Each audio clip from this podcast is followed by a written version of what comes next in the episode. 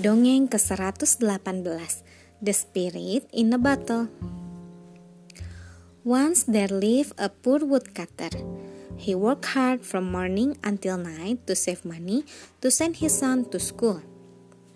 The boy worked hard too and became very clever. But the money ran out before he could finish his studies. He had to return home to the woodcutter's hut in the forest. I'm sorry, son, his father said. I have no more money to give you. I hardly have enough to buy us food. Don't worry, father, his son said brightly. I can work hard. I don't mind chopping wood with you.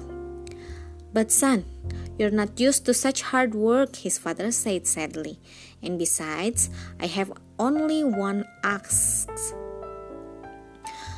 Then See if your neighbor will lend you one until I can make enough money to buy my own, the lad insisted. So the woodcutter did, and next morning the father and son went into the forest together. The lad got in the lad got on with chopping wood quite merrily.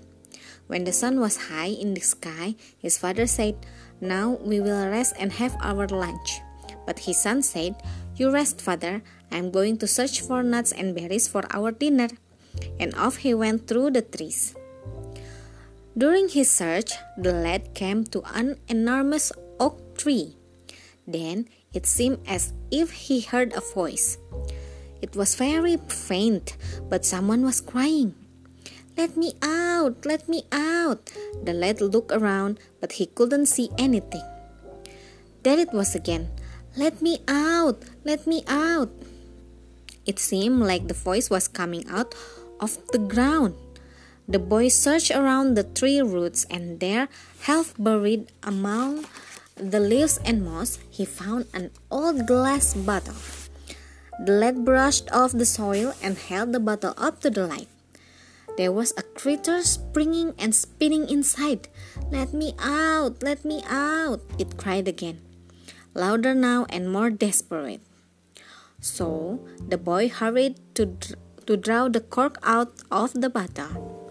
The creature slid through the neck of the bottle and began to swell. It grew and grew and grew until it became a mighty spirit. It towered over the lad and bellowed. I was put into that bottle as a punishment. At first, I thought I would reward anyone who released me, but hundreds of years passed, and I and as I wait, I grew angrier and angrier. I swore I would kill the person, the next person I met, and that is you. So now you must die. The boy was very afraid, but he was clever and he thought fast. Actually, he said, I can't see how you can have possibly been shut up in that bottle. You'd never fit inside. It must have been some sort of trick. What are you talking about? roared the spirit. Of course I was there. Prove it then, said the lad. The spirit snorted with annoyance and at once drew itself up and shrank and shrank and shrank until it became so tiny that it could slide back through the neck of the bottle and was once more jumping around inside again.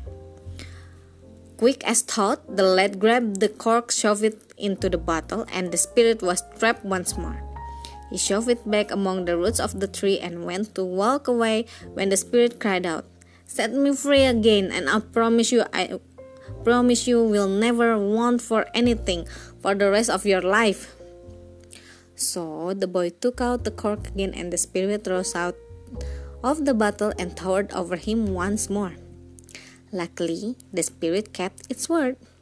Here is your reward, it boomed, and it gave the lad a little bag with a sticking plaster in it. This is a magic plaster, the spirit explained. Put one end over any wound and it will heal. Put the other end, end over steel or iron and it will instantly change into silver. In a puff of the smoke, the spirit vanished and the boy hurried back to his father. Where have you been? The woodcutter asked. We should have started work again ages ago. Don't worry, father, soothed the boy. I will soon make it up to you. He bent over his ass, So his father could not see what he was doing and rubbed the iron blade with the magic plaster. It turned into gleaming silver. Look at my ass, father, the boy said, holding it up. To his surprise, his father looked horrified instead of delighted. Oh my goodness, whatever happened? The woodcutter gasped. That's no good for chopping trees anymore. Silver is softer than iron. It will just bend. I can't give the axe back to my neighbor like that. You'll have to go and sell it. You won't get much for a damaged axe though. I'll have to earn however much else we need to buy my neighbor a new one. Oh, father, the son sighed. With a smile, he strode off into town and went straight to a jeweler. Uh, the jeweler gave him a five thousand pounds for it. The woodcutter's son went home delighted and asked his father how much this neighbor wanted for the ask. Ten pounds, the woodcutter said, shaking his head sadly. Well, here's ten pounds, said the lad, counting out his money, and here's many hundred dollars. Good heavens, cried his father. Where on earth have you got all that money? Then the lad told him everything. The old woodcutter was thrilled not only because he never had to worry about money again, but because his son could go back to school and finish his studies. So he did. And because he could heal all the wounds with his magic plaster, he became the most famous doctor in the whole world. Sekian, terima kasih telah mendengarkan. Selamat malam.